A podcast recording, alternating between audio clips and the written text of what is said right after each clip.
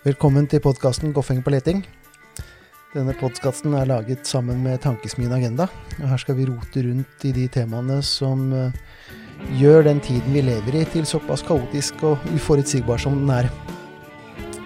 Vi legger litt stolthet i å lete fram de mer brennbare temaene, som mange syns er litt ubehagelig å snakke om. Ikke fordi vi har lyst til å være kontrære, fordi direkte kontrære tanker er ofte ikke så veldig interessante men fordi eh, samtalen må være åpen. Samtalen vår er det viktigste vi har. Det er den alt annet ligger og hviler på. Så jeg håper du får noe ut av det. Eh, snutten du hører i bakgrunnen her, er laget av Narve Vik Strandli.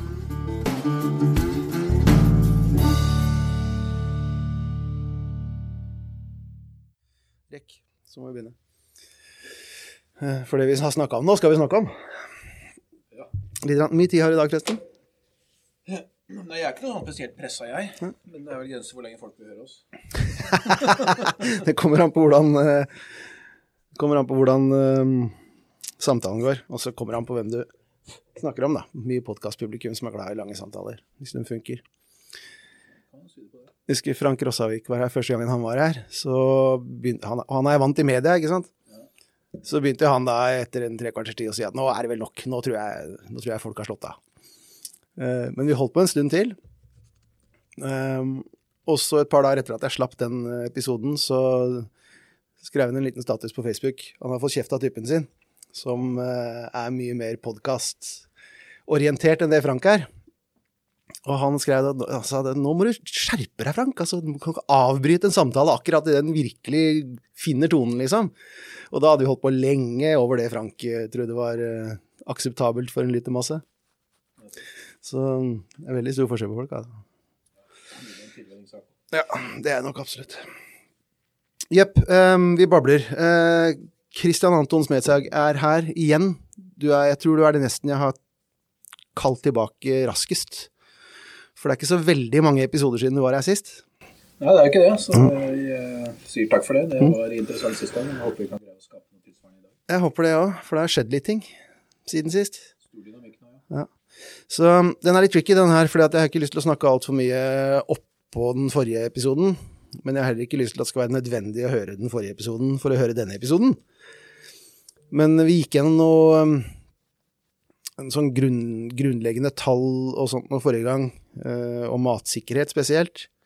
Fant ut at Norge kunne kanskje skvise seg opp til 55 eh, alt tatt i betraktning. Vi fant ut at Vest-Europa er eh, selvberga så lenge ting ikke går helt på trynet, i hvert fall. Lenge for gjødsel, i hvert fall. Ja, og det snakka vi litt om, for det er jo en uh, ny situasjon. Uh, for krigen var i gang når vi var her sist. Så gjødselsituasjonen har ikke akkurat blitt noe bedre. Siste jeg hørte nå, var vel at uh, Ariara som har lagt ned noe produksjon i Nederland fordi strømprisen har blitt for høy. Og det har jo skjedd i England blant annet også. Så det har, det har skjedd litt siden sist. Du kan si at de strukturelle utfordringene du er bekymret for da, de er forsterket. Ja. Men de umiddelbare, de umiddelbare utfordringene med f.eks. tilstrekkelig kornproduksjon eller tilstrekkelig volumproduksjon, de er for så vidt uh, tilsvarende. Det vil si at det er ikke blitt noe verre enn det var. Så vi holder oss på ganske høye kornpriser, men de har falt en del tilbake pga. Ukraina-avtalen av 1.8, og selvfølgelig også fordi det er sesongmessig alltid lavere priser juli, august, september når det er innhøsting og det er liksom mye tilgjengelig vare, da, og det er fortsatt litt uklart hvordan den totale balansen blir, så lenge man da vet at avlingene har vært gode, og de har vært rimelig gode i, i Nord-Amerika, Nord-Europa, eh, Australia og for så vidt også Ukraina og Russland. Så, så sånn sett så er det for så vidt avhjulpet, men de strukturerer forholdene, ikke sant? altså knytta til industri, den grunnleggende produksjonen, særlig den kraftkrevende produksjonen, ikke minst i Europa, den sliter jo og stenges jo stadig ned. Så øh, en ting er øh, de gjødseleksemplene, men også særlig på aluminium, sink, stål. Hele det metallkomplekset i Europa, alt som krever egentlig mye energi det legger jo ned eller går sånn halvveis i dvale bortover. Så sånn sett så er vi i en strukturelt sett krevende situasjon som vi drar med oss inn i 2023. Så det er ikke noe som tyder på at 2023 blir noe enklere enn 2022 eh, sånn per nå. Eh, men det betyr jo at det ikke nødvendigvis går, eh, blir ekstremt vanskelig heller, men, men det kommer til å bli krevende. Men det er igjen forutsatt at den Ukraina-avtalen opprettholdes. Hvis den skulle svikte, så ville nok ting se veldig annerledes ut fort. Hvor mye, Veit vi hvor mye som har kommet ut? Hvor mye som ser ut til å komme ut av Ukraina i forhold til normaleksport derfra? Ja, altså, De er vel ikke på normaleksport ennå, men uh, man fikk vel ut ca. 2 millioner tonn i løpet av august. Mm. Og, og, det ekspanderer videre nå, så det har gått kan du si, kalle det påfallende bra. Uh, så nå er det vel oppe i 2,5 millioner tonn når du tar med uh, september. Så, så hittil. Så sånn sett så så, så, har dette fungert. Eh, og det er nok fortsatt ekspansjonspotensial, for det går seg til eh, over tid her. Og man har også fått til litt mer over land eh, på ulike vis, som man ikke hadde tidligere, i tillegg til at man nå får sjøveien. Mm. Så i forhold til tidligere så ligger det nok et million tonn eller to under liksom det optimale, når det liksom har gått alt av hvete, mais, solsikkefrø, da, som det kanskje de primære. Men, men, det går tilstrekkelig til at det roer markedene, og at uh, med de gode avlingene som har vært ellers, og sånn, så, så, er dette her uh, tilfredsstillende. Og det betyr også at du tømmer lagrene over tid da, i, i, uh, på havna og i liksom de store handelslagrene i Ukraina, som gjør at du kan fylle på de som nå har midlertidig lagring rundt omkring, ser det ut til. da. Men det er jo, vi, det er jo for at vi liksom framskriver det som skjer nå. Mm. Skulle det bli endringer sånn som Eh, Putin eh, skisserte i den eh, talen han hadde i går. Nemlig at han mente Vesten ikke hadde tilrettelagt tilstrekkelig for russisk eksport, da, som skulle være en del av det. Pluss at ikke eksporten i tilstrekkelig grad gikk til landet i sør, eller de som trengte det i sånn i ren matsikkerhetssammenheng. Så vil jo ting fort se veldig annerledes ut. Men vi får håpe at det finnes noen diplomatiske bakkanaler her, sånn at det går an å få håndtert dette. For vi, vi tåler ikke et avbrudd her nå. Nei. Men Vil dette si at det er en del land i, i, i Midtøsten og Nord-Afrika som kan puste litt letta ut i forhold til siste gang pratet om dette? Ja, det vil jeg nok si. Eh, det er vel de 2,5 millioner tonnene cirka som er liksom skissert nå, så er det vel sagt at 400 000 har gått til Afrika, 1 million tonn til Asia, og så har det gått en del til til EU også, men EU også legitime behov her, for de har også hatt en del import av solsikkeolje og, og, mais, da, ikke minst som dyrefôr i, til Spania og Italia bl.a. Ja. Du sier det har vært bra høster i Nord-Europa. Så bra tall fra Danmark her bl.a. Men har det, hva, har skjedd? Det har vært tørke i andre deler av Europa. Frankrike, Spania. Po er jo deprimerende å se bilder av Po, akkurat den store elva i Nord-Italia. Nord ja. Har det påvirka matproduksjonen i noe særlig grad, eller? Jeg vil ikke si hittil, altså, for du kan må skille mellom to ting her. altså Den der volumproduksjonen av korn den har gått bra i nord, og det meste har gått bra i nord, egentlig. Altså Nord-Tyskland og nordover, på en måte. Uh, mens uh, Og det har også gått rimelig greit, egentlig, f.eks. i Frankrike, som er den største hveteprodusenten i, uh, i EU.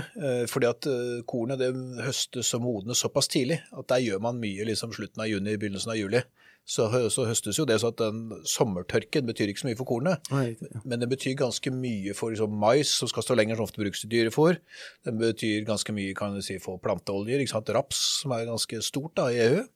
Og den betyr mye selvfølgelig for frukt og grønt og, og vin, da, blant annet. ikke mm. sant? Mm. Mengden. Så at det som er kritisk nå, egentlig fra liksom midt på kontinentet og nedover, det er jo altså dyrefôr i tilstrekkelig grad. Så om det blir nok melk, eh, eller om prisen kommer til å stige vesentlig, eller eh, storfekjøtt kan jo da få en, plutselig en boost, for du slakter ut, og så blir det knapphet framover. Mm.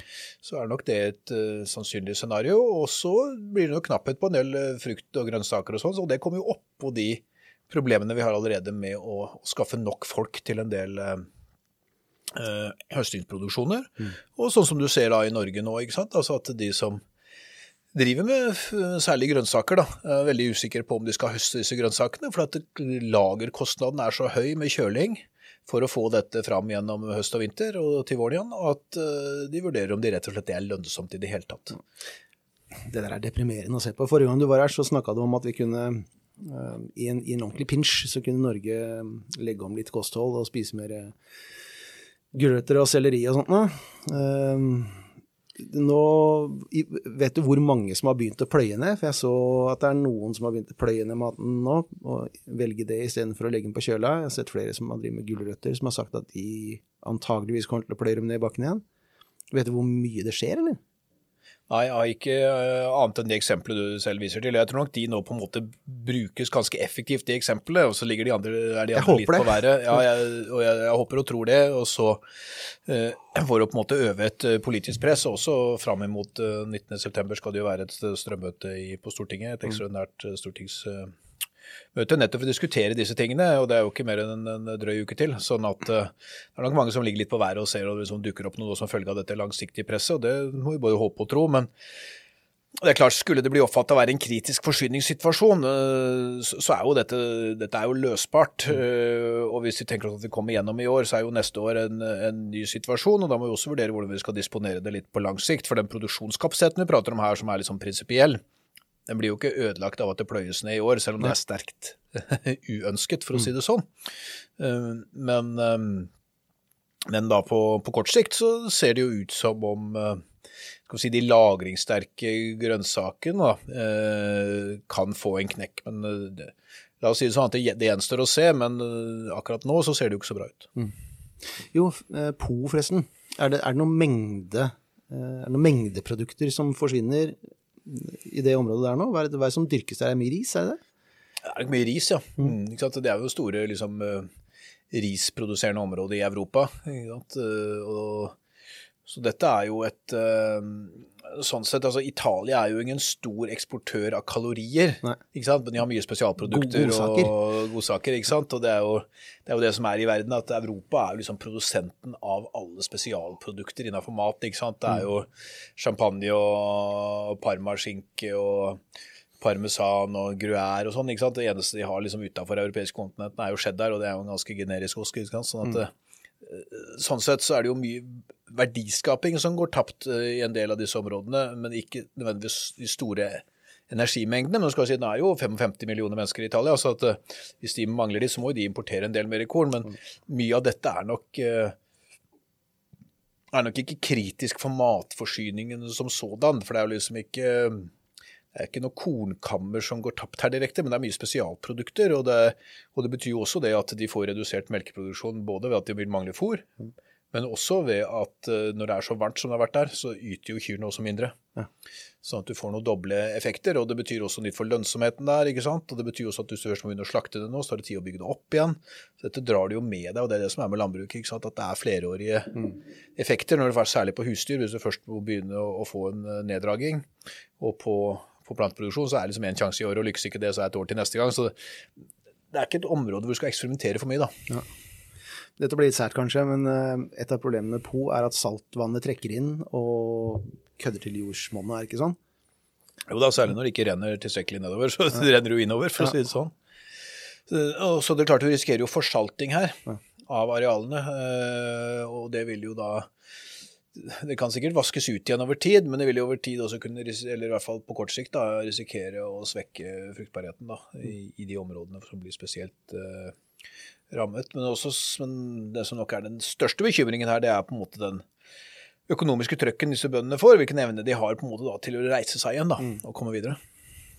Det var romerne som strødde salt på åkra rundt Kartago, var ikke det? Noe i den duren der, for å ødelegge langtidslivsoppholdet. Ja, det var jo det. Samtidig så var jo det området etter hvert eh, Romas kornkammer også. Mm. Både det og fra Egypt, egentlig. Mm. Hvordan står Egypt til nå? Det aner jeg ingenting om. Eh, altså, det er vel ikke noe sånn spesielle som jeg har fanget opp, i hvert fall utfordringer knyttet til Egypt, men det som er spesielt med Egypt eh, generelt, da, det er jo at det er jo verdens største hveteimportør. De snakker om 12-13 eh, millioner tonn hvete. Eh, det er jo et betydelig tall. Det er jo ti ganger norsk årsavling av korn totalt sett. Da. Eh, og kanskje alt som er mulig å eksportere ut av hvete fra Ukraina i år. Da. Men Egypt jo også, var jo litt forutseende her, så de importerte jo litt på forhånd. Så de sa jo at de har allerede ja, i for forsommeren sa vel at de hadde lag i hvert fall fram til november, så de hadde liksom disse seks månedene. Mm. Og Vi jobber også da med en beredskapsrapport fra en av Horn eh, stiftelse og Haug stiftelse, som, som, også skal se litt på hva anbefalinger for Norge. Og mye tyder jo på at liksom seks måneder er et ganske viktig viktig perspektiv da, i mye beredskapsarbeid, og at man for å kunne ha en buffer, øh, og at det nok bør tenkes på mm. av flere land, øh, og særlig de som er ekstra importavhengige, øh, sånn som Norge, eller sånn som det diskuteres f.eks. i Japan, som også omtrent har et, et selvforsyningsnivå på linje med Norge, da, altså mm, rundt 40 mm. justert for fôrimport. Da. Og så er det andre områder hvor det skjer ting. Uh, så vidt jeg forstår. Og igjen, bulkvarene i USA har det gått bra med. Jeg forstår aldri helt Californias uh, rolle i disse greiene her. Jeg vet ikke hvor mye du vet om det, men der har en prekær vannsituasjon, og de lager veldig mye mat, California. Men er det også med spesial produkter. De lager jo veldig mye de må mange, mange produkter, i hvert fall. ikke sant? Og mm. mat er jo litt sånn sammensatt. Det er litt som eh, du kan være i Italia, ikke sant? hvor du får mange spesialprodukter som mange er avhengig av og liker og setter stor pris på, som krydrer hverdagen og gir deg et eh, bedre, liksom, mer lysbetont uh, matfat. da. Og så er det de som på en måte sikrer kaloriene. ikke sant? Sukker, hvete, rapsoljer. Altså det som på en måte står for kanskje 40-50% av verdens kalorier. da. Ja. At du kan se bare I Norge ikke sant, så er det jo 10-12% sukker, og så er det 10-12 platteoljer. Og så står uh, kornprodukter for rundt uh, eh, 30 mm. Og da har du liksom dratt det borti 50% av kaloriene er jo sukker, planteoljer og hveteprodukter eller kornprodukter i ulik grad. Mm. Ja, så, så, det de driver i California, er jo mye Det er mandler, og det er, det er rosiner, og det er lite grann der. Da, ikke sant? Så det så er veldig, ja, veldig høy andel av mange varer som er interessante men de har en ganske liten andel av liksom de vitale kaloriene. ikke sant? Det er Midtvesten. Det er, det er mais, hvete, øh, soya.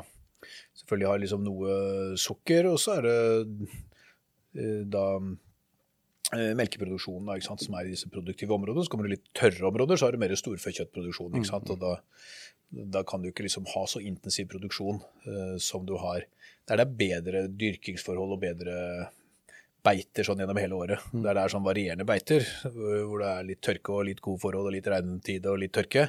Da har du storfe som som liksom kan gå og sture litt når det er dårlig beite, og så vokser mm. når det er godt beite. Der, så setter det litt på spissen. California er litt USAs Italia, på en måte?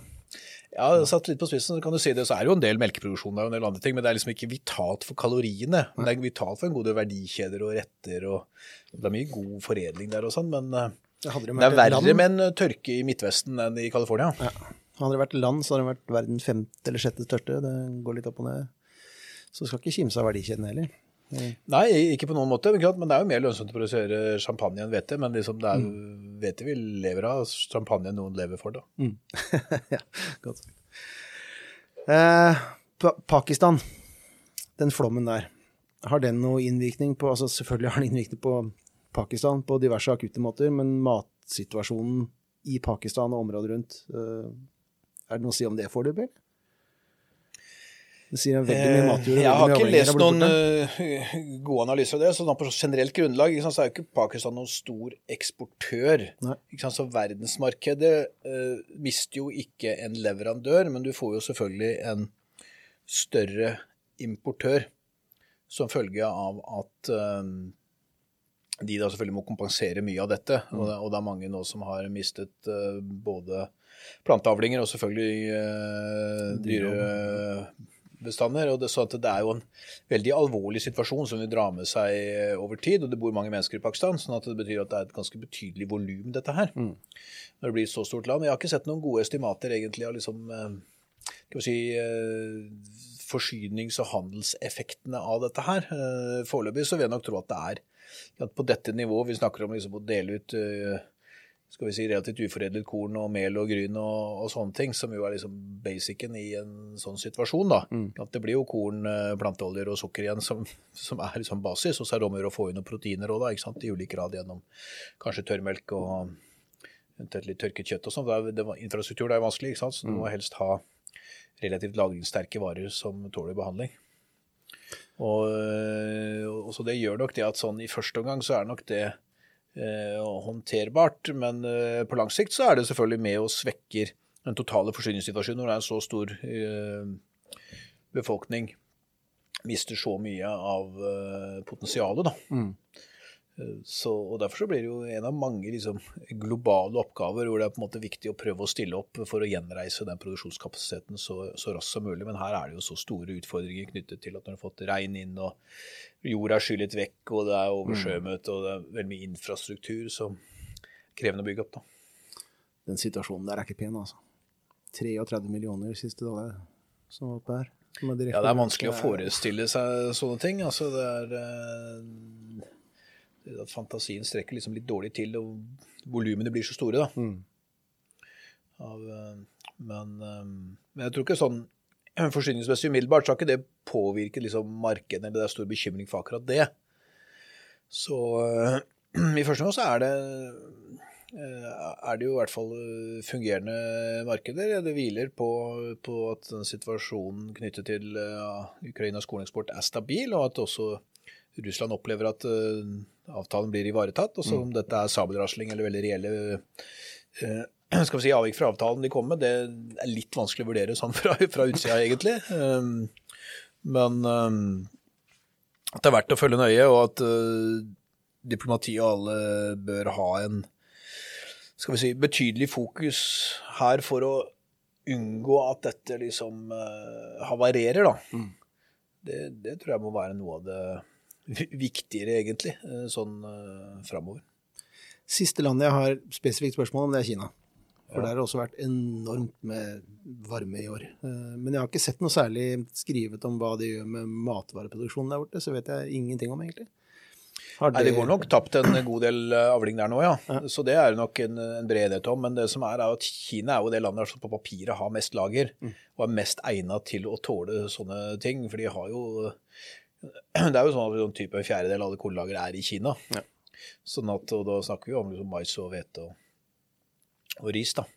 Så i utgangspunktet eh, så skulle jo de ha lager til å tåle dette her. For det er jo ikke det er jo ikke de eh, skal vi si, mest eh, produserende områdene liksom, i deltamunninger og liksom langs kysten. Dette er jo litt inn i landet og litt opp i nordvest. Det er klart det er hveteproduksjon og litt mer tørrlands og litt uh, varme tålende eh, arter da, som, eh, som, gror der. Så, det, så på liksom det er liksom litt brutalt, da, men sånn på makroplanet så skal man tro at Kina er i stand til å håndtere dette, selvfølgelig med en veldig redusert kanskje kvalitet rundt maten da, i mm. denne situasjonen. Men de skulle ha mer enn nok kalorier og mer enn nok lager til at de skal kunne håndtere denne trøkken. Det er jo egentlig derfor man har lager. ikke sant? Det er for å håndtere uforutsigbare situasjoner og komme seg gjennom det nettopp uten at det skal skape trøbbel.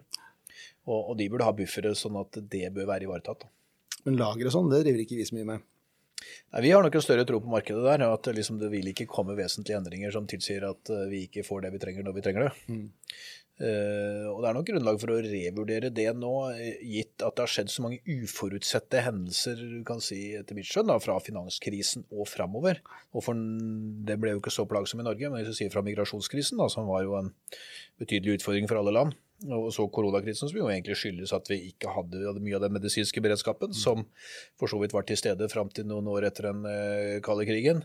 Parallelt med at vi hadde heller ikke viljen til å liksom styre skal vi si, uh, isolering eller selvisolering av de som måtte komme inn i kanskje da fra, i hvert fall fra slutten av februar, hadde det vært veldig mulig og hadde gjort en, gitt oss en annen situasjon. Mm.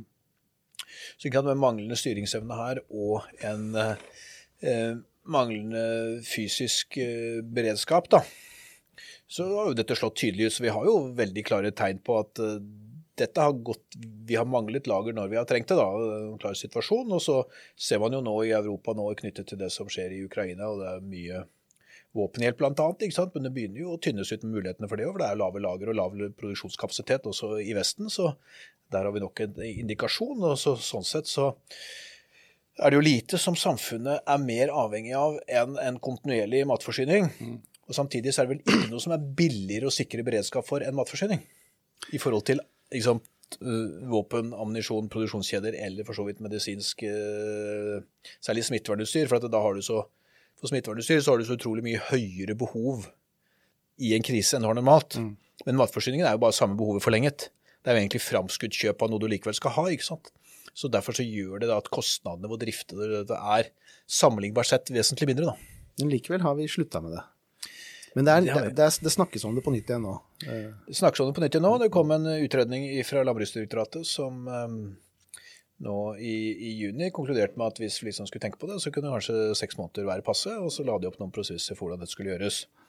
Vi ser på noe tilsvarende nå i en, i en rapport som nevnt. og og er nok ganske tydelig på at med de erfaringene vi har hatt nå egentlig de siste 15 årene, så er det ingen grunn til at vi ikke skal opprette en samme type tankegang for eh, matforsyningen som vi har hatt tidligere, altså før murens fall, hvor veldig mye av disse endringene vi prater om, liksom ble veldig tydelige. Ja. Uh, knyttet til beredskap, da, eh, at vi ikke skal opprette det. Men det, det, ser ikke helt likt ut. Det er ikke sikkert vi trenger å ha for tolv måneder i første gang, men seks måneder vil gjøre mye. Og det er ikke sikkert det skal være statlig lagring, som det var den gangen, men kanskje private aktører som får eh, godtgjort kostnadene sine gjennom dette. Mm. Men igjen under en eh, statlig regulering og ordning, og kanskje staten eier produktene, men at dette er lagt til skal vi si, den infrastrukturen som private kan opprettholde og, og drifte. da, ikke sant? Og Kanskje kan vi også lage det sånn at det bedre norsk kornproduksjon og kornflyt. Så du kan lage en vinn-vinn-situasjon av det også ut ifra bedre egenproduksjon. Sånn at det, her er, tror jeg det er ganske mange muligheter hvis man tenker litt kreativt. Kommer vi til å gjøre det? Det er, det, det er dette her For jeg, jeg, føler at det er og, og når jeg sier negative ting nå, så er ikke det egentlig mot denne regjeringen. Det er mot Fordi jeg føler at forskjellen hadde ikke vært der. Hadde dette vært en annen regjering, så er det veldig mange av de tingene der som har vært prikk likt. Men kom, ja. Kommer vi til å gjøre det? Kommer vi til å bygge opp den kapasiteten? Liten sånn, eh, i hvert fall sånn forsøk på en politisk vurdering her, så tror jeg at denne regjeringen her har satt i gang veldig tidlig den, de satte i gang den utredningen eh, og, og tydeliggjorde dette allerede i høst. sånn at eh, der er det nok en reell forskjell, for dette, dette har vært avvist av, av, den forrige. så jeg tror vi kommer til å, å gjøre det nå. Jeg tror det er mange gode argumenter for å, å gå videre med den planen som Landbruksdirektoratet har. Vi kommer til å anføre for å, eh, noe i den retning ganske snart. Og vi prøver å være med drivkrafter for det, fordi at eh, sånn som, som jo egentlig som er essensen her etter mitt skjønn, så er at beredskap er ikke noe du har fordi du vet hva som skal skje, men, kan, men fordi at du ikke kan greie deg uten dersom noe skjer. Mm. Og, og, det er ganske vesentlig. Det er noen helt vitale ting i samfunnet som vi ser. ikke sant? Og Det er medisiner, det er medisinsk smittevernutstyr, det er sikker energiforsyning, og det er en rimelig beredskap og forsvarssituasjon og så er det god matforsyning. Disse tingene må på en måte ligge i bånn. Uh, og, vi har slitt med å, få dette til, og det er på tide, tror jeg, å revurdere det på litt bred front. Da. Eksemplene er jo relativt lett å finne. Mm. Jeg håper at det snakkes om det samme i resten av Øst-Europa også. Lagringskapasitet og ja, Nå er det vel mest opptatt av å lage på gass, er det ikke det? Jo, akkurat. Å få fylt opp de, ikke sant. Og så kan du si at ja, det er hyggelig at gasslagrene er ganske fulle, men spørsmålet er om gasslagrene er tilstrekkelig, da, ikke sant. Mm. Når forsyningssituasjonen er såpass eh, krevende, og det tyder jo på at den ikke er. For selv om Danmark var vel ute med en pressekonferanse i dag hvor de sa at de fryktet at det kunne bli mangel på energi i Danmark, ikke sant? selv om de har 90% liksom fylling i gasslagrene. Mm. Men det er jo for at gasslagrene er ikke store nok for denne type situasjon. Nei. Så vet vi at i Norge så har vi jo ganske gode eh, skal vi si, både gass- og oljekapasitet, men vi bruker jo lite av det, ikke sant? for vi har jo da den strømmen. Men for oss så dreier det seg egentlig om vannet vi har i magasinene. Det er vårt lager, ikke sant? og det er jo også ganske snaut nå. Og så har jo Danmark har jo da mye korn. Eh, I motsetning til Norge, som har relativt sett mindre enn det vi trenger. ikke sant? Så Derfor er det viktig for oss med kornlager. For Danmark er kanskje ikke det like viktig. akkurat som Det er liksom ikke relevant for oss med olje- og gasslager. Eh, eller kanskje ikke det, bensin og diesel heller, for vi har tross alt Mongstad, som er et raffineri som kan eh, ta og, og, sikre den forsyningen. Mm. For det oppdaget de også da i forbindelse med Ukraina-krigen og de påfølgende sanksjonene som EU og vi valgte å gjennomføre, det var jo at mye av dieselraffineringskapasiteten den er jo i, i, Russland. Og det betyr jo at derfor er jo diesel nå dyrere i mange steder enn eh, bensin. da, ikke sant? Mm. Så det er mange sånne momenter der man har, har forutsatt en leveringsevne som skal vi si, markedet ikke har. Da. Og dette markedet er jo et mangehodet troll, ikke sant? og det viser seg jo da eh, når ting blir kritisk. Mm. Og Europa har jo forretningsmodell som er ganske enkel. ikke sant? Det er å få inn energi utenfra, sånn Norge-Russland. Råvarer utenfra, eh, delvis Norge-Russland der òg, og, og resten av verden. Og så foredle de høykvalitetsprodukter, ikke sant? enten det er som fransk eleganse og, og og, og, og, biler og mm. merkevarer og, og, sånne liksom høyt på stigen-produkter. Men det er klart at hvis du da ikke har noen plan for god nok plan da, for hvordan energisikkerheten og råvare- og forsyningssikkerheten er i den settingen, så uh, sliter jo den forretningsmodellen. Da. Og det å leve av luksusprodukter, det fordrer gode tider. Det gjør det nok langt på vei også, i hvert fall at det er gode tider i tilstrekkelig store deler av verden til at det er mange nok kjøpere. Da. Det er litt skummelt for alle de fire liksom, hjørnestenene du nevnte her. Alle de fire tingene føler jeg at vi har neglisjert. Altså det, jeg, jeg tenker på uh, Bilbo, uh, Ringenes herre. Han sier han føler seg som smør som er spredt for tynt på brødskiva. ja, det er jo et godt bilde. og alle de fire tingene du nevnte i stad, forsvarsevne, mat, energi og sånn, altså, det føles som vi har gjort det med alle de tingene. Og det føles som vi har gjort det i For oppi mitt hode så er det sånn at når man bygger svære, intrikate systemer, så har man flere potensielle feilkilder. Ting kan gå galt på flere steder. Eh, og når ting er virkelig knytta sammen, så, så, har det større effekter. Mens det virker som vi har sett på det å gjøre systemene større og mer intrikate har vært en trygghet. Og jeg har aldri skjønt den tankegangen der. Det er det inntrykket jeg har. i hvert fall at veldig mange tenker på det sånn.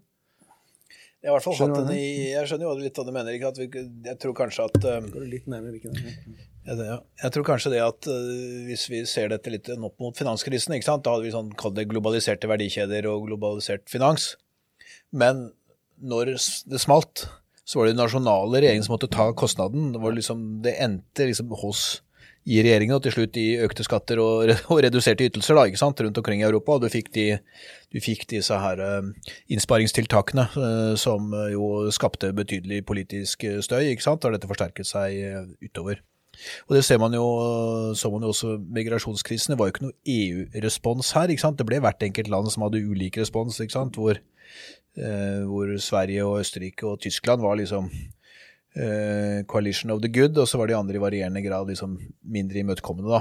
Men likevel til dels ganske imøtekommende. Eh, men så, så, kommer du til uh, pandemien, og det er jo igjen det nasjonale som må løse det. er nasjonale grenser var knapt mulig å krysse ikke sant? hvis du var fra et, et, annet land, og det var jo krevende å komme inn i eget land også. Så poenget er at hver gang det blir en reell krise, da, så ender du tilbake i det nasjonale fellesskapet, nasjonale løsninger og det nasjonale budsjettet. Eh, og det står jo da i sterk kontrast til ideen om det liksom globale fellesskapet og ideen om at liksom et globalt marked er sikrere fordi at da har du flere leverandører, og dermed vil noen alltid være leveringsdyktige.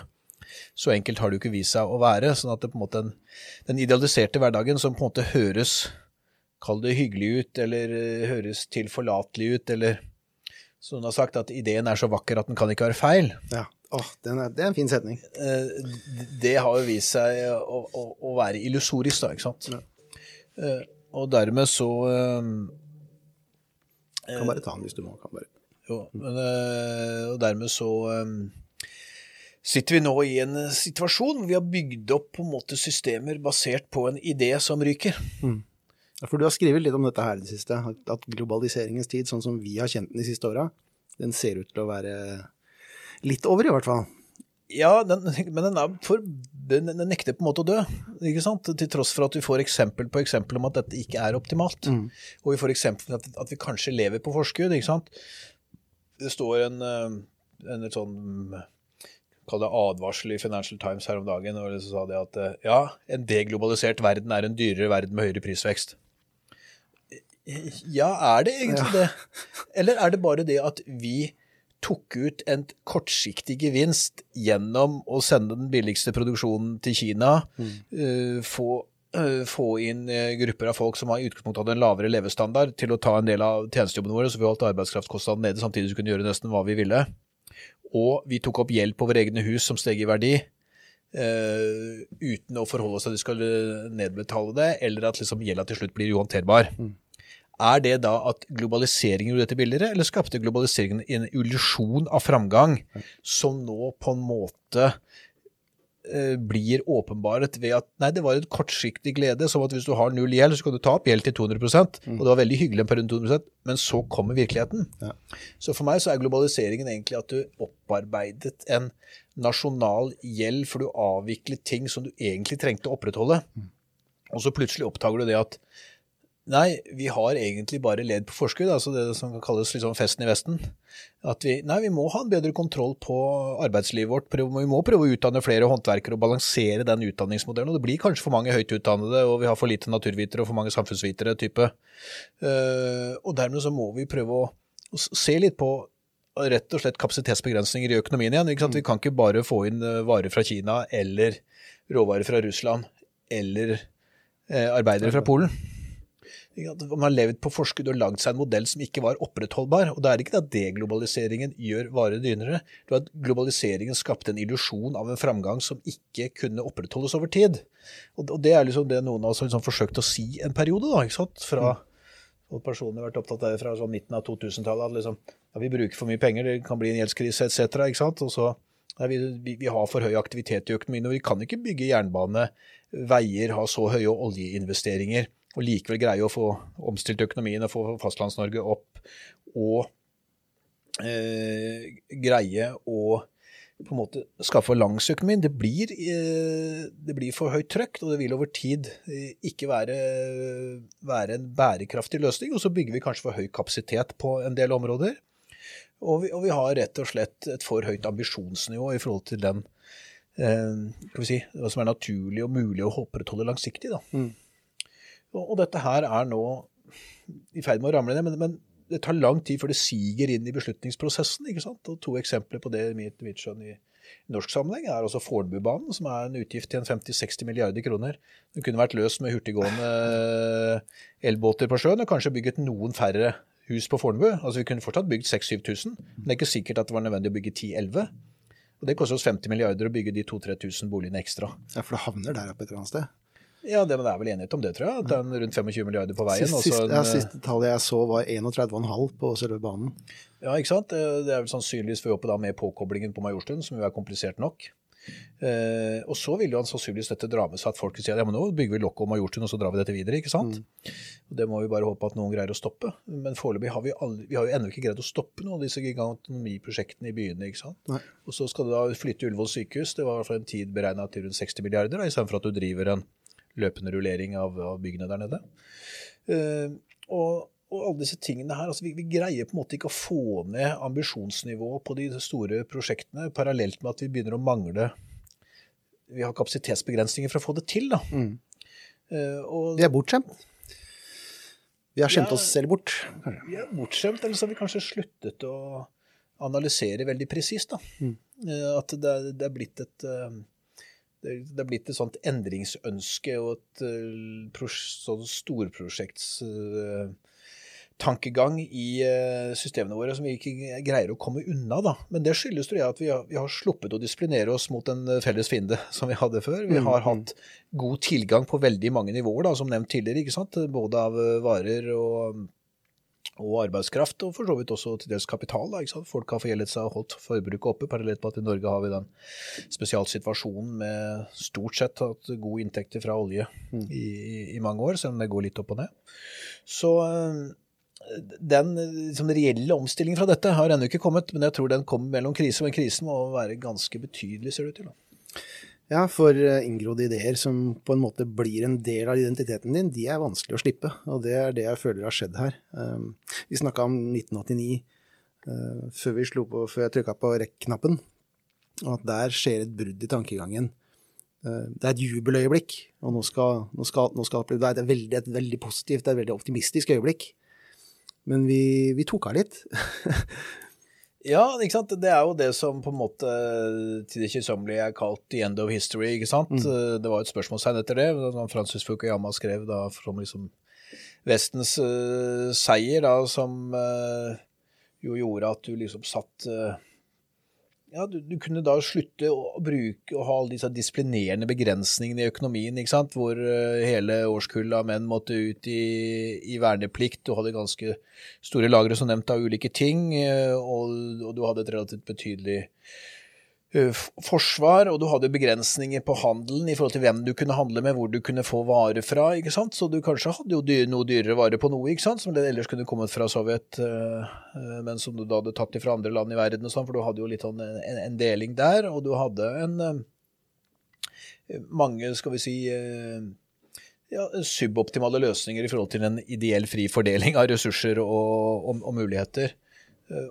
Og når du da fikk den, men så, har man glemt at ok, muren falt. Men man har jo glemt, eller glemt har man ikke, men det er, ikke så ofte det nevnes, at samtidig så toppa jo Japan ut. ikke sant? Japans mm. børskrakk kom jo jeg tror det var 31. desember 1989.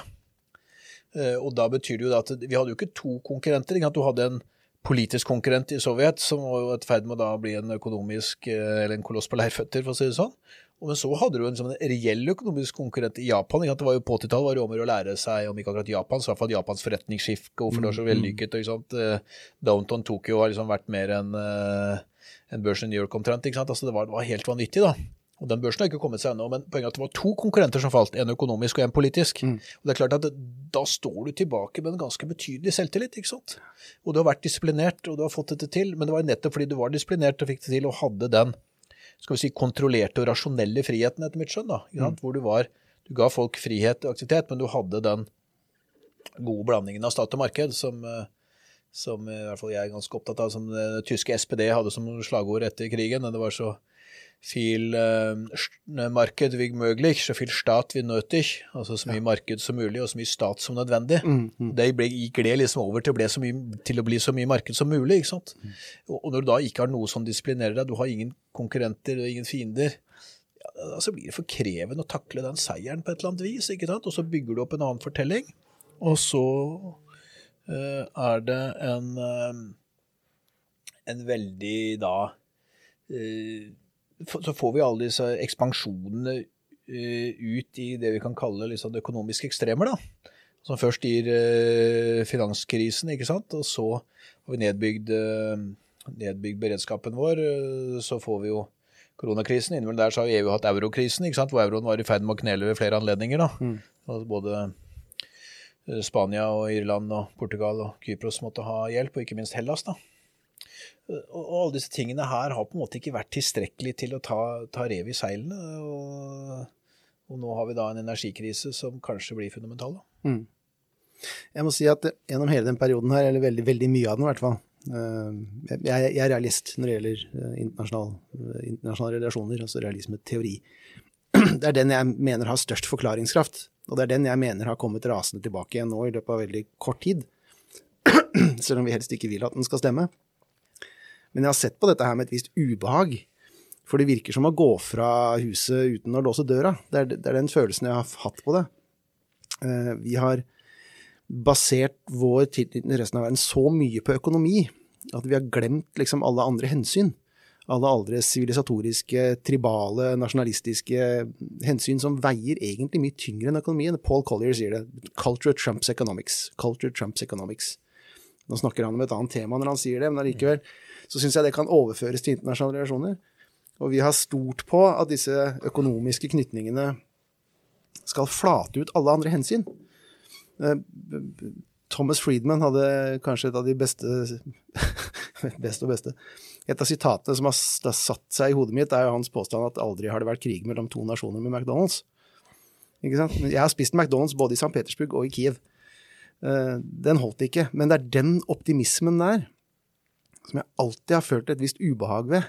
For det har gjort at vi har ikke låst døra. altså Vi har ikke, vi ikke sikra oss. Fordi det skulle gå så forferdelig bra, liksom. Så forferdelig fort. Alle gamle regler var på en måte borte etter 89. Og ja, jeg føler at det kommer opp til flere balltrær og slår oss i panna med, med, den tankegangen nå.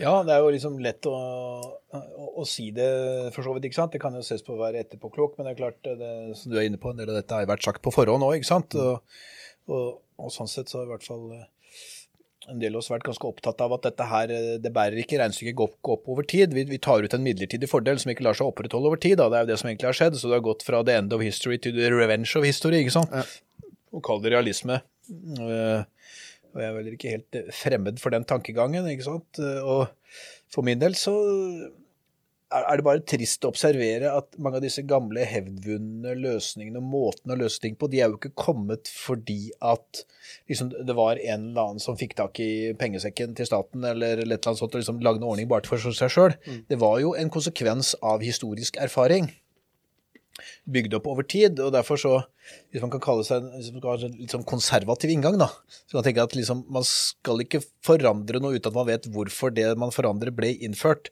og være veldig sikker på at det man endrer til da, er vesentlig bedre. Mm. For Hvis du har levd i et demokrati over en del generasjoner som vi har, så må man forvente at er, mange av løsningene er balansert ut i ulike skal vi si, politiske prosesser over tid. Da, ikke sant? Og Det er jo sånn det egentlig skal fungere, og som kanskje Vesten fungerte ganske godt, da, særlig da fra 45 til, til 1989 da, i hovedsak. Altså, det betyr ikke at det er lett å styre et samfunn eller styre land, mm. men det betyr at det, eh, man fant balanserte løsninger over tid innenfor et demokratisk uh, system som også ivaretok liksom, folks frihet uh, i, i, rimelig grad. Og det uh, betyr at man skal være ganske um, forsiktig med vesentlige endringer. og Det er en svensk eh, samfunnsforsker, Lars Tregård, som sa bl.a. at en av de viktigste tingene som formet liksom fellesskap bl.a. i Sverige, eh, i tillegg da til, eh, til, skole og felles offentlighet, det var verneplikten. Mm. For det brakte alle sammen i et felles prosjekt. Ja. Alle menn eh, traff hverandre, og, og, det ble en, en fellesskapskultur rundt som liksom rista folk sammen, sånn høy og lav og ulike geografiske regioner og kulturer, på en måte. Og nå risikerer man jo at folk liksom innenfor samme land bare er sammen med folk innenfor samme system hele tiden. ikke sant? Og du, du får ingenting av de der eh, skal vi si, utvekslingene som er litt sånn kanskje nødvendige og, og riktige, og liksom følelsen av at det er et felles prosjekt å ta vare på noe her. Mm. Eh, og som svaret er innfører liksom allmenn verneplikt igjen, altså både for kvinner og menn. Og, og det er mer usikkert på den lettvinte måten vi fjernet det på og, bygde ned f.eks. mange av de grunnleggende beredskapsfunksjonene i Forsvaret. De, de, de, er jo et interessant element av det. Eh, og så tror nok jeg, litt som var inne på på beredskap, at det betyr jo ikke at du trenger å opprette vidt et statlig organ for å handle og lagre korn igjen, f.eks. Men det betyr at det som det var satt til å gjøre, nemlig sikre beredskapsfunksjon, kan tilpasses en moderne virkelighet. Mm. Akkurat som f.eks. på medisinsk smittevernutstyr, så må du da forholde deg til de helseforetakene som er, og de kan sikkert løse det. Du trenger ikke nødvendigvis eh, Norsk Medisinaldepot for å gjøre det. Men det kan være verdt å reflektere hvorfor vi hadde Norsk Medisinaldepot og organiserte det sånn. Kanskje det var en årsak, ja. Ja, og det er liksom en del av de tingene der som går i overkant lett da, ikke sant. Og så er det jo en del av oss da som tenker at ja, men i forhold til f.eks. Ullevål sykehus, da, så var jo det Det er en del smittevernhensyn også lagt i at det er et ganske stort område med avstand mellom, syke, avstand mellom husene osv., som kanskje kanskje er et ganske viktig prinsipp, og viser seg å være et ganske avgjørende prinsipp for styringen av landet de siste to årene, faktisk. Mm. Mens i et sykehus så kan du liksom lage dette nå plutselig store høyhus, og så kan du isolere enkeltetasjer hvis det skulle bli vanskeligheter i framtida. Det, det, er ikke sikkert at det lar seg gjøre på den måten man tenker. Men nå, eksempel, nå, nå, er du reaksjonær og bakstreversk her. Eh, du må forstå det at alle nye ideer er bedre enn alle gamle ideer. Eh, ellers så er man jo negativ, en Debbie Downer, og det er ikke moralsk forsvarlig. Det, det, er der, det, er der, denne diskusjonen ofte havner, føler jeg. I hvert fall på overflaten. Det er vel en del av postmodernismen, da. ikke sant? At det å skal vi si, respektere det gamle og ta utgangspunkt i det for nye løsninger, er på en måte ikke, ikke progressivt, selvfølgelig, mm. til en viss grad. På den annen side så føler jeg vel at det har en viss renessanse akkurat nå. Da, og, det har det. Det, har. Og, og, det, er, det, er, kult for en del ungdom å være konservative, og det er, det er en ny situasjon. Ja, ikke sant? men det viser seg at alt går i bølger, da, eller eventuelt i sirkel. da. Mm. Jeg har en viss tro på den sirkelmodellen. Mm. Ikke sant? Og det kan jo si at hvis du liksom hadde et ganske frihandelsorientert system da, fra slutten av 1800-tallet og så fram eh, mot uh, mellomkrigstiden, og så gikk det, i, uh, gikk det galt. Og så uh, fikk du jo da New Deal og Keynes og sånn i mellomkrigstiden for å håndtere alle de utfordringene som på en måte et for frisluppsystem hadde gitt, da, sånn, det litt på spissen. Og så ble jo dette forsterket av fellesskapet som utviklet under andre verdenskrig. og, og du fikk jo Beveridge-rapporten om full employment in welfare state-type tankegang, mm. som du dro med oss oppover hele 80-tallet. Og så fikk du jo noen utfordringer med styringen der, og så fikk du Thatcher og Reagan, og så gikk du over da mot en mer markedsstyring. ikke sant? Så de, de satte jo opp en, en, ideologisk modell egentlig mot en sovjetisk planstyring. Mm. En ideologisk markedsmodell mot en sovjetisk planstyring.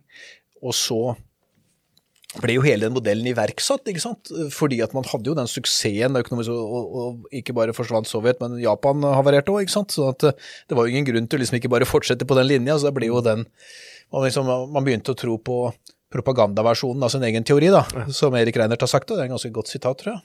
Ja, Erik Reinert, ja. Mm. og og, dermed, og da fikk vi da mye av den markedsorienteringen som vi, kanskje, som vi hadde forlatt på 30-tallet. ikke? Mm. Og nå er vi tilbake igjen til en mer styringsorientert modell som kommer til å tvinge seg frem over tid. Mm. Og da føler jeg at vi er i sirkelgangen i moderne tid, av min oppfatning at moderne tid er sånn ja, rett etter liksom, dampmaskinen, eller at liksom, du kunne begynne å frakte mange ting over verden i ganske store omfang, da, så du fikk gode dampskip fra liksom, slutten av, eller etter den amerikanske borgerkrigen, egentlig. da. Men er vi nødt til å glemme krisene våre hver forbanna gang for å få denne sirkelen rundt, liksom? Jeg har lest disse sakene som Minerva Aksel Fridstrøm, glimrende gravejournalist, har skrevet nå i det siste om spekulasjonen i, i strømmarkedet, i energimarkedene. Og da kommer jeg til Glass Deagle og de reglene som ble lagt inn etter det store krakket på 30-tallet i USA, hvor man skilte investeringsbanker og utlånsbanker. Så man tenkte disse penga skal ikke brukes til spekulasjon. Og så fjerner vi den i 94, var det vel? Var det? Under Clinton. Under Clinton ja. ja. Tok bort den, for vi har glemt den krisa. Rett og slett, vi har glemt den krisa. Den ligger ikke nær nok i hodet vårt til å se at, at, at det instrumentet der er nødvendig. Så fjerner vi den, og da kan vi bruke begynne å bruke huslånspengene til å spekulere igjen. Eh, hele tida så glemmer vi disse grisene. Vaksinegreia er litt lik. Vi glemmer disse sykdommene fordi vaksinene tar knekken på dem. Og så begynner vi å klage på vaksinene fordi vi har glemt hvordan sykdommene er. Så det er en del av den sirkelen her, føler jeg. At vi, vi, glemmer, vi glemmer krisene våre. Ja, Det sies vel at det liksom går to generasjoner, da, ikke sant? Så, er den, eh, så er erfaringene glemt. Du kan si at det, det interessante sånn, sånn, sånn, personlig historie, da, så kan du si at vi hadde to, to gode lærere på radio, flere selvfølgelig, men altså to eksempler fra da jeg gikk på Berg videregående på slutten av 80-tallet. Og det var Stokke og Kaltenborn, og de hadde vært med under krigen og så mm. videre, og sendte noen av oss på sånne eh, forsvarsforeningsmøter og det ene med andre. da. Men de pensjonerte seg i henholdsvis 88 og 90 eller 87 og 90, 89 eller sånn. Mm. Akkurat på dagen omtrent da muren falt, så var hele etterkrigsgenerasjonen ute av alle beslutningsorganene. Sånn at jeg, jeg, tror ikke en skal undervurdere liksom generasjonseffektene. Og så er det nok noe med det at det, Litt som vi var inne på da, la oss ta siden vi er inne på beredskap. Altså, vi hadde Statens kornforretning for beredskap. og Det var ikke sikkert at det var nødvendig å videreføre den. Men Eh, beredskap kunne være nødvendig å videreføre. Ja, det er litt som Glars Stegal. Det var ikke sikkert at det var nødvendig å videreføre Glars Stegal, mm. men de kunne revidert den til en moderne tid. Så problemstillingen er at når den kommer opp og framstår umoderne eller ikke tilpasset den teknologiske virkeligheten? Du ja, ja, begynte jo å få digitalisering og datamaskiner og sånt, og, var, og da, da, så ting en del annerledes ut. Fremfor da å ta jobben og revidere den og ta vare på så er det mye lettere å kutte den. ikke sant? Så, så, jeg tror nok at det er et reelt reformerbehov. Men du, du, går fra reform til revolusjon, da, på en måte, ved å liksom, kutte selve ordningen. Og, og, det er der det på en måte svikter, tror jeg. altså at uh, Når reformen blir nødvendig, så, så, har du mistet på en måte enten insentivet eller det intellektuelle overbyggingen for å gjøre det. da. Mm. Men da var det jo også Vi var jo ferdig med finansielle kriser. Jeg husker jo de argumentene. For nå vet vi så mye om hvordan økonomi fungerer. Så nå er vi ferdig med finansielle kriser, så nå trenger vi ikke disse sikringsordningene lenger. Det, det så jeg amerikanske økonomer som du har prata om. Det, den, det, er, det, er, hubris, altså. Så det holder. det kan du si, men det vil alltid være folk som var imot Lars Stegal på 30-tallet òg. Ja, ja. Så det er noe med hva er flertallet, og, og, og hvordan, uh, hvordan, styres det. Så Når reformbehoven kommer, så, så, blir det en mulighet. ikke sant? Og han, uh, Milton Friedman sa jo det at liksom, min jobb da, i forhold til jobben for det han så på som liberalismen, da, mm. og Mont Pellerin Society og det fellesskapet for å liksom, holde liv i det, uh, det var at vår jobb er å holde liv i ideene til at de kan implementeres når krisen kommer. Ja. Aldri la en god krise sløses bort, ikke sant? Nei, men det betyr jo at du faktisk har ideene, og du har lagt frøene der. Mm. Ja, Du kan ikke komme idet krisen kommer. Du må ha jobbet med det over tid, ikke sant? og kriser kommer da, hvis du jobber selv over et lengre perspektiv. ikke sant? Og, generasjon, og, og, og generasjonene går. Og, det betyr jo at um, det er liksom det krever nok en ganske kall det litt sånn konservativ grunnholdning, da. ikke sant? Å være villig til å reformere framfor å fjerne. Mm, mm. Uh, og så kan du si at konservat, det konservative ble jo også liberalt og liberalistisk. Det gikk fra liksom konservatisme til nyliberalisme ja, i ja. det som tidligere var de konservative systemene. Og så har du hatt utvikling da sosialdemokratiet har ikke greid å liksom ideologisk sett demme opp og skape sin egen plattform i den utviklingen. Og så har vi jo sett en krevende utvikling for sosialdemokratiet i hele Europa, egentlig. Eh, siden, siden da egentlig murens fall, og særlig østutvidelsen, da, som jo ble et sjokk for arbeidsmarkedet i mange land. Og det er klart, hvis du lever av å eh, skape best mulig vilkår for vanlige arbeidere, så er det krevende med fri flyt av arbeidere med stor uh, lønnsforskjell. Mm. Uh, sånn at det, det, var en del ting man ikke var forberedt på og greide ideologisk å orientere seg raskt nok i. ikke sant? Og så ble egentlig svaret det som var den dominerende ideologien, altså den propagandaversjonen av markedsøkonomien. da. Mm. Og så har jo den jo egentlig fått skudd for baugen på mange sider, og så sitter man og lurer på ja, hvordan griper vi dette videre nå? Og, det, og nå mangler vi jo egentlig økonomisk teori for å gå videre. Det, det, det fortjenstfulle med Keynes, som jo liksom blir mer imponerende, i hvert fall jo mer jeg tenker på det, det er at han liksom i krisen greide å lage en ny teori. Mm, mm. Og den krisen har egentlig vart en stund. Vi ser jo ikke noen særlig tendenser til noen ny teori hos, eh, hos økonomer sånn prinsipielt sett. da, ikke sant? Så da må vi famle oss litt fram etter det vi kan kalle liksom mer løpende rasjonalitet. da.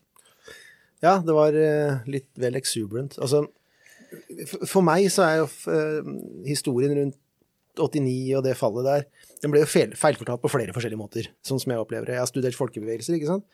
Eh, det at vi neglisjerer folkebevegelsenes inni øst i vår fortelling av hvordan muren falt, det syns jeg alltid har vært jævla sårt. For der er utrolig mye flotte folk, og enormt mye mot og fantastisk kreativitet i de bevegelsene som hadde stor effekt. Mm. Men vi liker heller å se på oss selv som liksom de som brakte ned muren.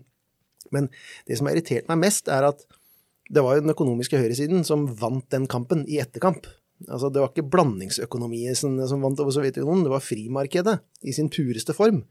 I hvert fall ideologisk sett, ja. Ja, nemlig. Og den har alltid irritert meg, for den, den føler jeg er feilfortalt. Det er blandingsøkonomien, den, den du snakka om med tyskerne i, i stad, den stabile saken der, det var den som vant denne kampen, føler jeg. Og så når den muren falt, så bare slapp vi alt løs, og, og det, ja. det, det, de mantraene som kom med Reagan og Thatcher, som var så kraftige at ingen klarte å motstå dem, de, de, de, de forskjøv den historiefortellinga der. Ja, det var det. altså på en måte Vi ble et offer for vår egen suksess der. ikke sant? Og den uh, fortellingen til Reagan og Thatcher var jo veldig, veldig vellykket. Og den framstår jo også delvis som litt nødvendig i vest, ikke sant? for å delvis modernisere en del av samfunnet som kanskje hadde stivnet litt. Men det skjedde jo også på en utrolig tøff måte, da, ikke sant? så det skapte jo varige uh, utfordringer, det også. sånn at det, det skapte jo også vanskeligheter i vest, den fortellingen. Men de hadde et tilstrekkelig flertall og en veldig sterk uh, egenforståelse av hva rett, da. Uh, og når dette da og, når da på en måte Skal vi si Jeg tror Reagan var jo på mange måter ganske konservativ også, på sitt vis. Så, så jeg tror ikke liksom, han, han, hadde vel ikke akkurat helt kontroll over alt dette, han heller, på en måte. ikke sant? Uh, men han var jo en god historieforteller, da. En av de bedre. Veldig. Uh, og dermed så greide jo han å, å, utnytte dette maksimalt. Når, når det som dette da gikk videre, så fikk det jo på en måte mistet jo det mistet det konservative grepet på høyresiden, og så mistet man jo liksom litt selvtilliten på den blandingsøkonomien som kanskje sosialdemokratiet, i hvert fall i mange land, hadde vært hovedarkitektene for. ikke sant? Absolutt, absolutt. Uh, og, da, og, i, og, i, Norge er det jo på en måte litt spesielt, for vi har jo ikke hatt en spesielt konservativ høyreside her. Vi har hatt en mer sånn liberalistisk høyreside relativt til hva du kanskje har hatt av den kontinentale tradisjonen med CDU i Tyskland ikke sant, og CSU, og det var jo CDU og, som jo i utgangspunktet hadde kanslerne i, i Tyskland i oppbyggingsperioden. Mm. Keine-eksperimentet med Ludvig Erhardt og, og, og, Konrad Adenauer. Eh, men det betyr jo ikke at ikke sosialdemokratiet der også spilte en betydelig rolle i den samfunnsbalansen som oppsto mellom konservativ eller byggende kapital og eh, konstruktive fagforeninger. ikke sant? Så du fant den balansen hvor på en måte passende avkastning for kapitalen og passende fordeling til, til eh, arbeiderne, for å sette det litt på spissen. da. Mm, mm. Og så mista vi grep om den fordelingen etter hvert, ikke sant. Og mye av måten å miste grep på den på var jo nettopp at du fikk den frie flyten av arbeidskraft som dermed på en måte opphevet de mekanismene som på en måte skapte nasjonale lønnsdannelsen. Det, det, er en sånn miks her som jeg aldri helt har forstått. For, for meg er konservativt det er å altså Roger Scruton ble bedt om å beskrive den konservative tankegangen, og da brukte han ett ord, og det var 'hesitate' det, det, det, holder langt på vei, påsto han, for å forklare hva konservatisme var for noe.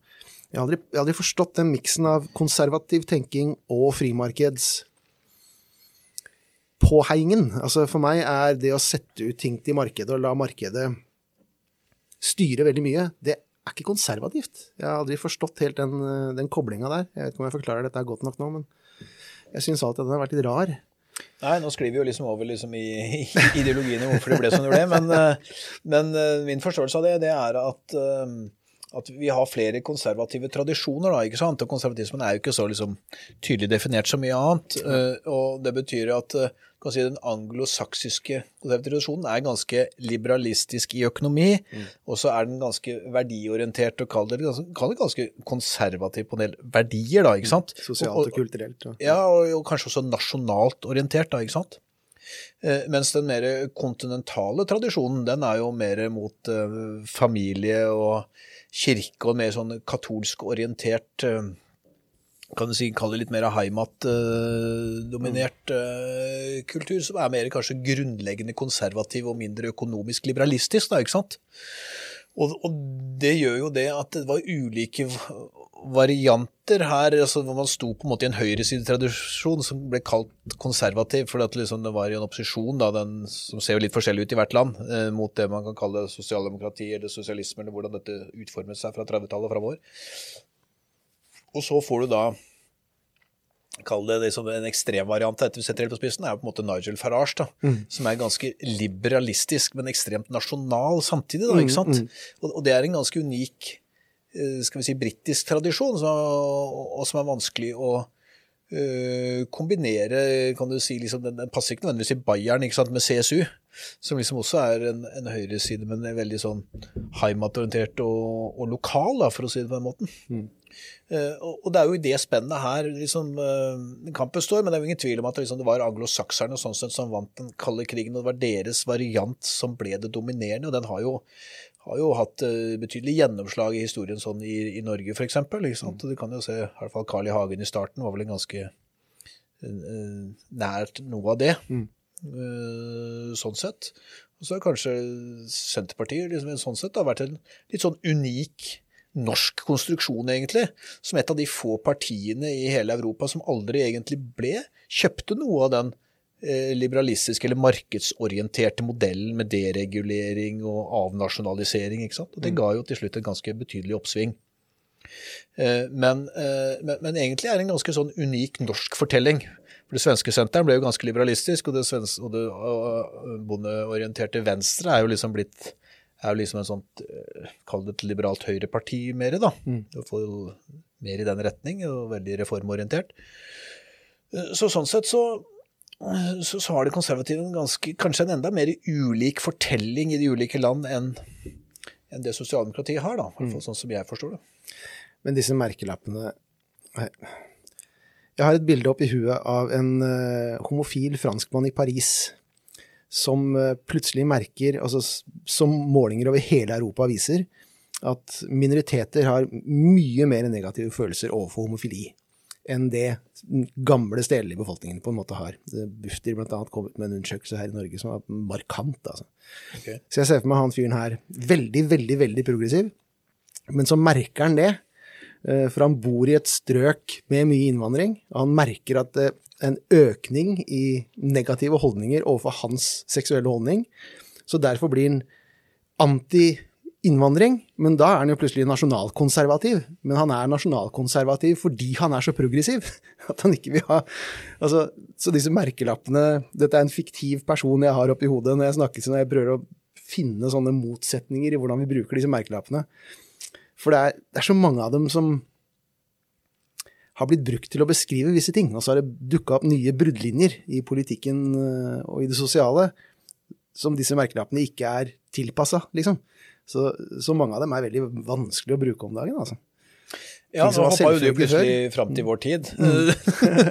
Mens jeg fortsatt er på 90-tallet, på en måte. Eller eh, for så vidt da også litt med, med akkurat refleksjoner rundt Senterpartiet i Norge. Men, øh, men, det er klart at her er det ganske stor dynamikk, da, ikke sant. Og, den, og med den, skal vi si, endringen i befolkningssammensetning som du i hvert fall ser i en del europeiske land, så klart at da skifter jo også på en måte bruddlinjene, da. Mm.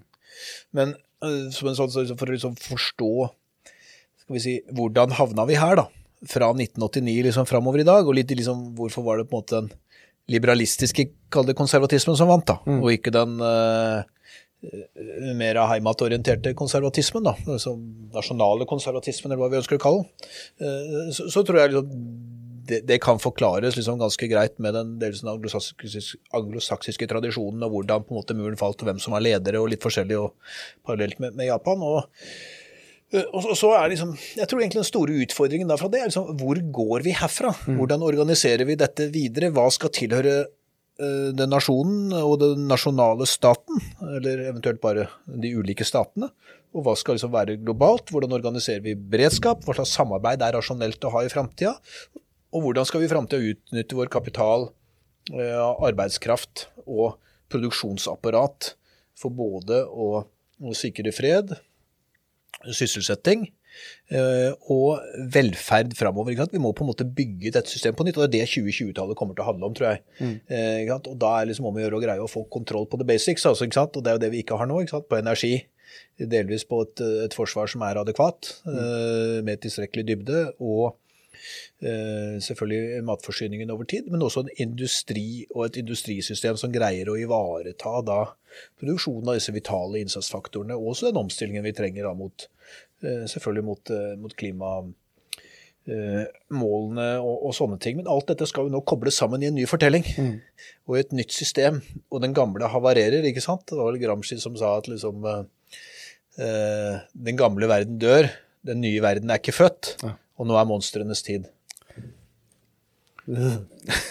jo, det var liksom satt litt på spissen. Da. Gramsci er jo litt sånn uh, sitatmaskin. Ja, men, altså, det, men, jeg tror vi liksom konkluderer med at den, sant, den, gamle verden dør, og den nye er ikke født. Ja. Og vi vet ikke helt hvor vi skal gå. Og, og, og det er vel litt der vi står, da. Legger vi til Yates som at uh, de Jeg husker ikke helt hvordan sitatet var, men de, de, moderate i sentrum uh, mister sine meningers mot mens ytterkantene tar over.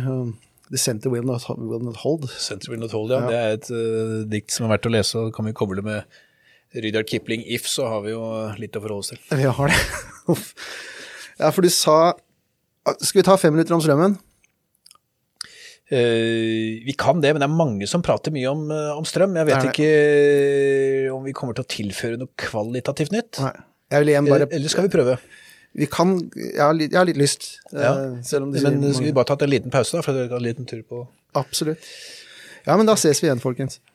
På rekken igjen, så er vi i gang vi snakker om ja, vi snakker om litt at uh, gamle ideer er nesten per definisjon dårlige, og nye er nesten per definisjon gode. Jeg kaller det nyisme. Jeg tror det er veldig mange som har tendens til å glemme at alle elendige ræva ideer har en gang vært nye. Uh, uh, liksom, og så gikk de gærent. Så det, det, det, det, er en sånn fetisjisering av nye ideer liksom, som jeg ikke er komfortabel med i det hele tatt. Ja, det er, i hvert fall, eh, det er i hvert fall nå sånn I det perspektivet vi diskuterer nå, da, ikke sant, hvor vi på en måte har en viss idé om at mange av de oppgavene man satte seg for å løse da, mm. Eh, fram til murens fall, de er like aktuelle å løse i dag, viser det seg, selv om man sluttet å løse dem en periode. Og så er det ikke sikkert at måten man løser dem på skal se helt likt ut, men problemet må håndteres. Mm. ikke sant? Smittevern, medisinsk beredskap, eh, forsvar i et rimelig omfang, matberedskap i et, i et rimelig omfang. Mm. Og, og, sannsynligvis kanskje grensekontroll, kontroll med kontanter. Norges Bank satte jo ut seddeltrykkeri si og kvittet seg med det. Ja. Vi solgte jo ut gullbeholdningen på det mest ugunstige tidspunktet i, eh, i gullets prishistorie omtrent. Eh, nå har jo mye av det kommet til heder og verdighet igjen. For tiden så trykkes jo norske sedler på anbud i England. Eh, sånn at det er Symbolsk tyngde i den, altså. En, del sånne elementer som er som verdt å, å, reflektere på. Og, og sånn sett, så istedenfor å liksom eh, være tilbakeskuende på at liksom alt som er gærent, så må vi heller prøve å skue framover og finne ut hva gjør vi nå for å gjøre noe rett. Mm. Og det, er den, det tror jeg 2020-tallet kommer til å dreie seg om. Ja. Jeg trodde jo egentlig at 2010-tallet skulle dreie seg om det. For jeg hadde jo en idé om at det kom en, en finanskrise på et tidspunkt, og tenkte at ok, når det først slår til nå, så vil vi liksom nå vil vi kjøre løpet, nå vil vi liksom det gamle renskes ut, og vi liksom lager et nytt system. Men det gjorde vi jo ikke. ikke sant? Vi trykte penger og holdt liv i dette her, og, og fikk det som gjennom dette år tiåret vi har lagt bak oss, ble kalt sånn the everything bubble. Mm. Liksom alt gikk i taket. ikke sant? Kunst, gamle biler, boliger osv. Kanskje ikke folks lønninger, men det var en liten detalj her. Uh, og så og så fikk vi ikke den omstillingen som vi skulle tatt, og den nedturen som vi skulle tatt. ikke sant? Da sa vel det han Hank Paulson, som var George Bush eh, finansminister den gangen, at liksom Altså, problemet er ikke at vi liksom egentlig ikke vet hvordan vi skal gjøre det. Poenget er at det ville tatt så lang tid å gjort det, at de hadde slitt med å komme gjennom de tre, fire, fem, seks månedene liksom, med liksom, problemer og konkurser og, og en del sånne ting. da. Eh, og det hadde han uh, sånn trolig rett i, at den politiske kostnaden vil til enhver tid virke for høy. da, Må ta den type utrenskinger, så dette skjer bare liksom når markedet presser det fram. da. Eh, Men jeg tror det var veldig uheldig at vi ikke fikk tatt oppgjøret med den eksessive optimismen mm. som virker noe grunnløst da, eh, den gangen. For nå blir det tøffere nå i 2020 når vi skal gjøre det innenfor de rammene vi nå har. da. Ja, for det krever en viss tålmodighet å stå gjennom endringsprosesser som er tunge, og vi har ikke vi, Altså, de generasjonene som lever nå, er ikke mest kjent for sin tålmodighet, føler jeg. På noe som helst nivå. Nei, Selve samfunnsånden er vel ikke der. Nei. Men vi skulle ta fem minutter om strømmen. Før vi avslutter. Hvor, hvor er du hen? Hva har blitt gjort riktig, og hva har blitt gjort gærent? Har du noe sterke jeg tror at veldig mye er jo gjort riktig innenfor det systemet vi, vi har. Altså, vi har jo et, eh, et eh, vannkraftsystem basert på regulerbar magasinkapasitet. Og det er jo ikke noe annet land i verden som har. Det er en del land som har en del elvekraft og litt forskjellig, men regulerbar magasinkapasitet som egentlig kan styre et helt strømsystem, det er, det er unikt. I både antagelig verdenshistorien og selvfølgelig globalt. Det er vanskelig å, å gjenskape.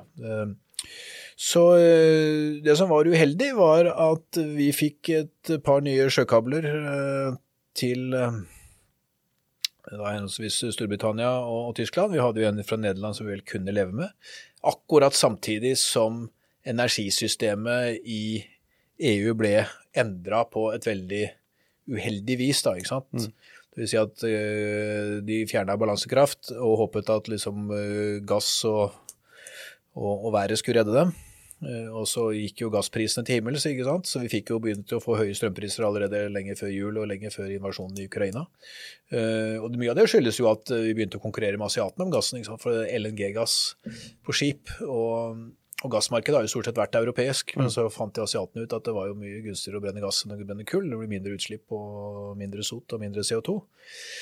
Um, og dermed så, så holdt jo ikke gassmarkedet følge, og så holdt jo heller ikke energiforsyningen i Europa følge, for det var tatt ut for mye eh, kjernekraft, særlig i Storbritannia og i eh, Tyskland. Engelskmennene begynte jo å stenge ned, har ikke greid å bygge nytt, og de har slitt med det, det de har forsøkt å bygge.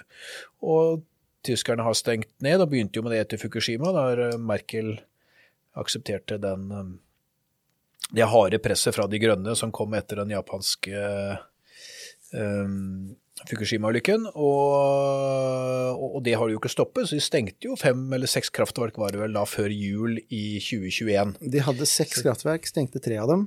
Eh, Så skulle de stenge alle de tre andre nå før nyttår nå. Eh, Det har de revidert litt. De kommer til å stenge det ene og holde de to andre i reserve. Så av seks kraftverk har de stengt ned fire og kommer til å holde to i reserve. Ja, hva reserve betyr det at de ikke skal bruke dem? Eh, Jeg har lest litt forskjellig om det, men de skal i hvert fall stå der klart til oppstart, i det minste. Men de, og de er vel i drift foreløpig, men jeg har lest litt forskjellig om det, for det har skjedd en del her de siste par-tre dagene. Men det er, det er helt utrolig at dette her skjer i den situasjonen vi er i. Ja da, både nedstenging før jul fikk en del oppmerksomhet, og det som skjer nå får du også. Det er liksom vanskelig å, å, å forstå avgjørelsene. Og, det, og parallelt med det så har jo franskmennene hatt noe dårlig vedlikehold av sine reaktorer, så halvparten er vel ute nå. Men de ser vel for seg, det kom vel en plan nå for et par dager siden, hvor de sa hvordan de skulle nå gjenåpne liksom én reaktor i uka fra oktober og framover. Så vi håpet å ha alle i drift i løpet av vinteren igjen, da. Ja. og Så får vi håpe det stemmer. Så det er vel egentlig det at man har kutta ut både fossil og kjernefysisk balansekraft i stor grad, da. Bortsett fra Frankrike, men der har man vedlikeholdt litt dårlig. Eh, Sånn at, eh, men, det kan jo rette seg, det er mye kortere avstand opp. Og, i tillegg har jo svenskene tatt ut en del, ikke sant. Sånn at, eh, men nå er det jo en debatt der da, i forbindelse med det valget som går, og det valget som kommer, som nå skal være på søndag, vil jo avgjøre dette videre.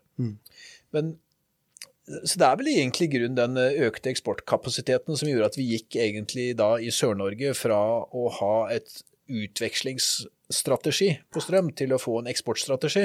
Og den traff altså parallelt med denne uheldige europeiske energisituasjonen. Og, og da begynte vi å importere det prisnivået der inn i det som er prisområdet NO2, da, altså Sør-Vestlandet, og NO5 som er Bergen, og NO1 som er Østlandet ellers.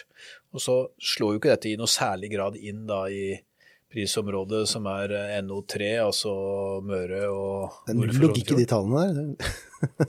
Jo, men dette er, dette er interessant, fordi Mm. at eh, disse prisområdene de er de flere land, alle de, våre skandinaviske naboer, også inndelt i prisområder. ikke sant? Du har fire svenske prisområder, Mm. så har du to danske, og danskene er egentlig delvis det ene prisområdet, er egentlig påkobla det svenske systemet, altså det som er Sjælland og da. Og det andre prisområdet er påkoblet det tyske.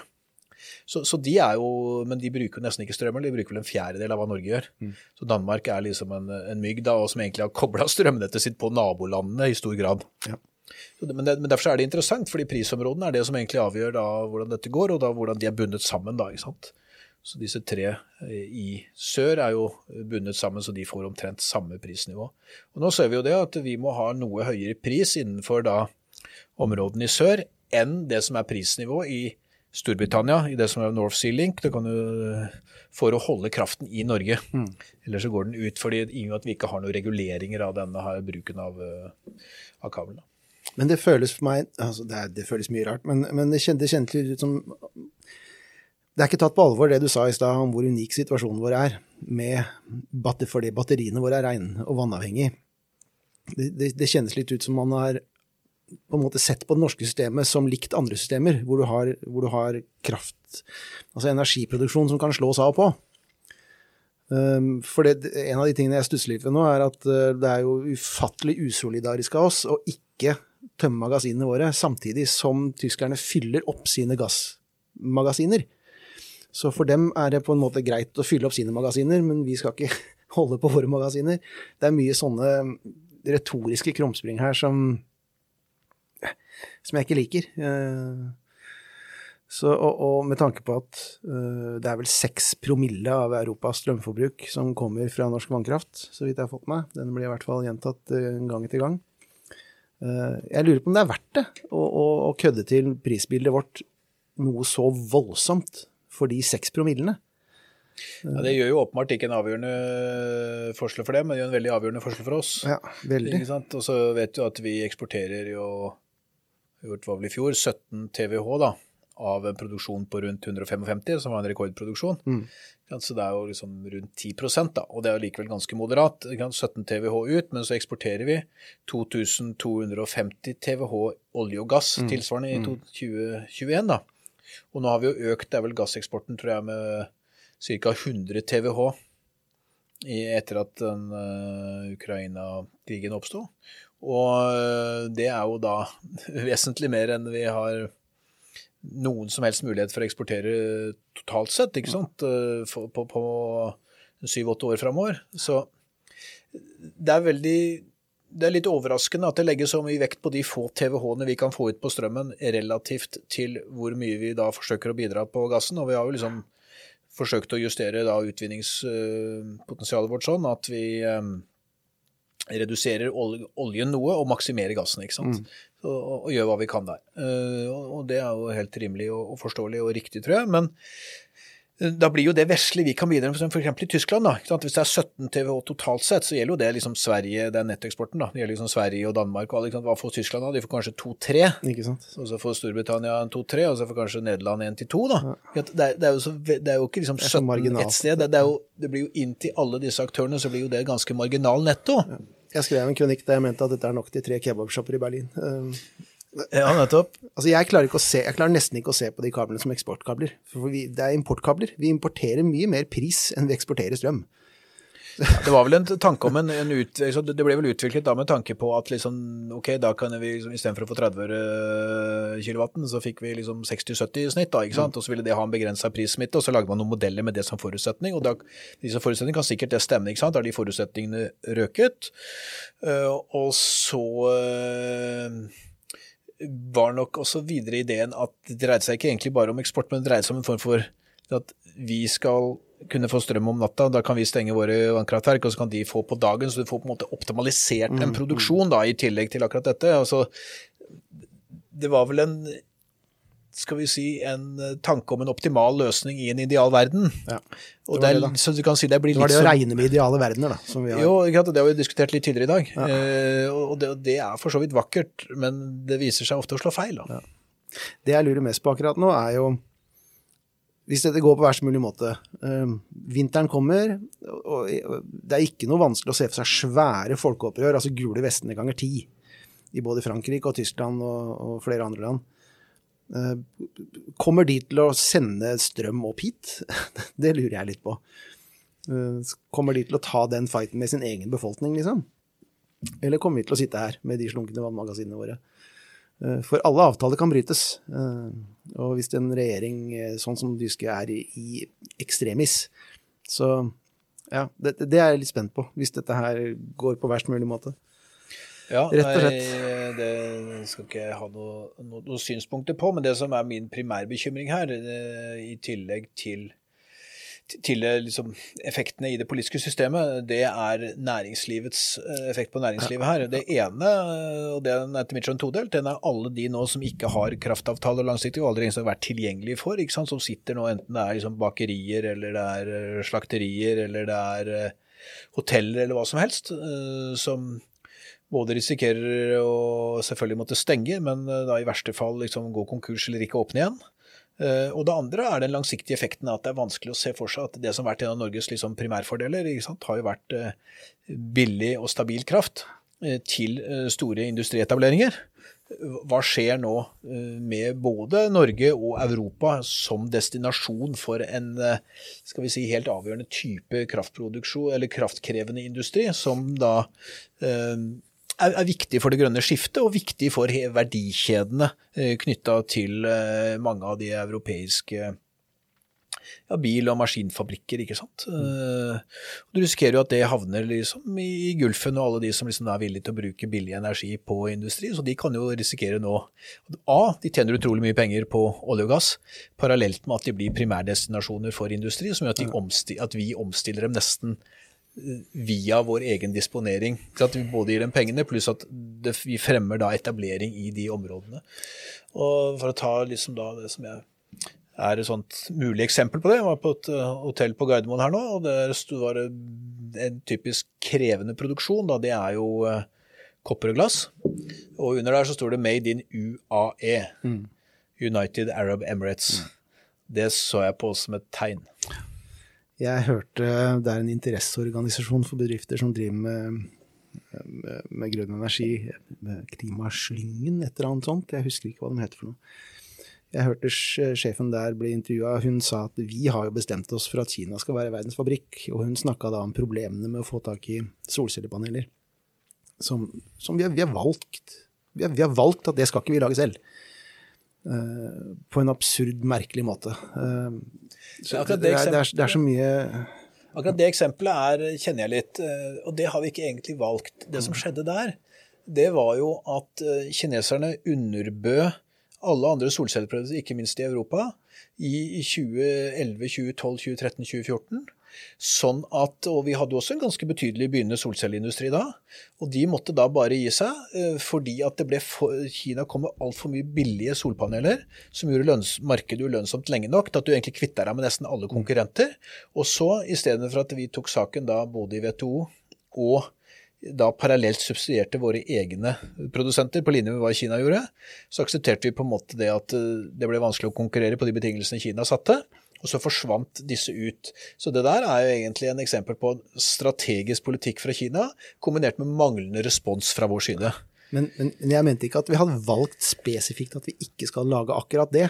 Men vi har valgt på systemnivå at det er sånn dette her skal funke. Det var litt det jeg mente. Ja da. Det, det, ja da, det var ikke det at det var direkte Det var mer som at, at vi vi har på en måte akseptert at noen spiller etter én bok, og så spiller vi på en måte etter vår idealbok, selv om de andre ikke følger den. Mm. Og, og, og, det uh, har blitt en krevende virkelighet. Jeg har et siste spørsmål før vi kan gi oss, og det er um, pek tilbake på forrige episode det også, for da sa du at vi må innse at vi er nødt til å reorientere oss til en mer resilient stat. Det tror jeg kanskje var den viktigste setningen fra forrige episode. Ser du noen bedringer der? synker dette inn, siden vi snakka om dette her sist? Ja, altså, Nå kommer vi snart med en rapport om beredskap. og F.eks. på medisinsk eh, smittevernutstyr og, og, medisiner så har det skjedd ganske betydelige bedringer. Så bra. Så jeg tror det absolutt er håp her, men eh, for å slutte med Abba Eban, israelsk diplomat Demokratiene gjør det rette når alt annet er forsøkt.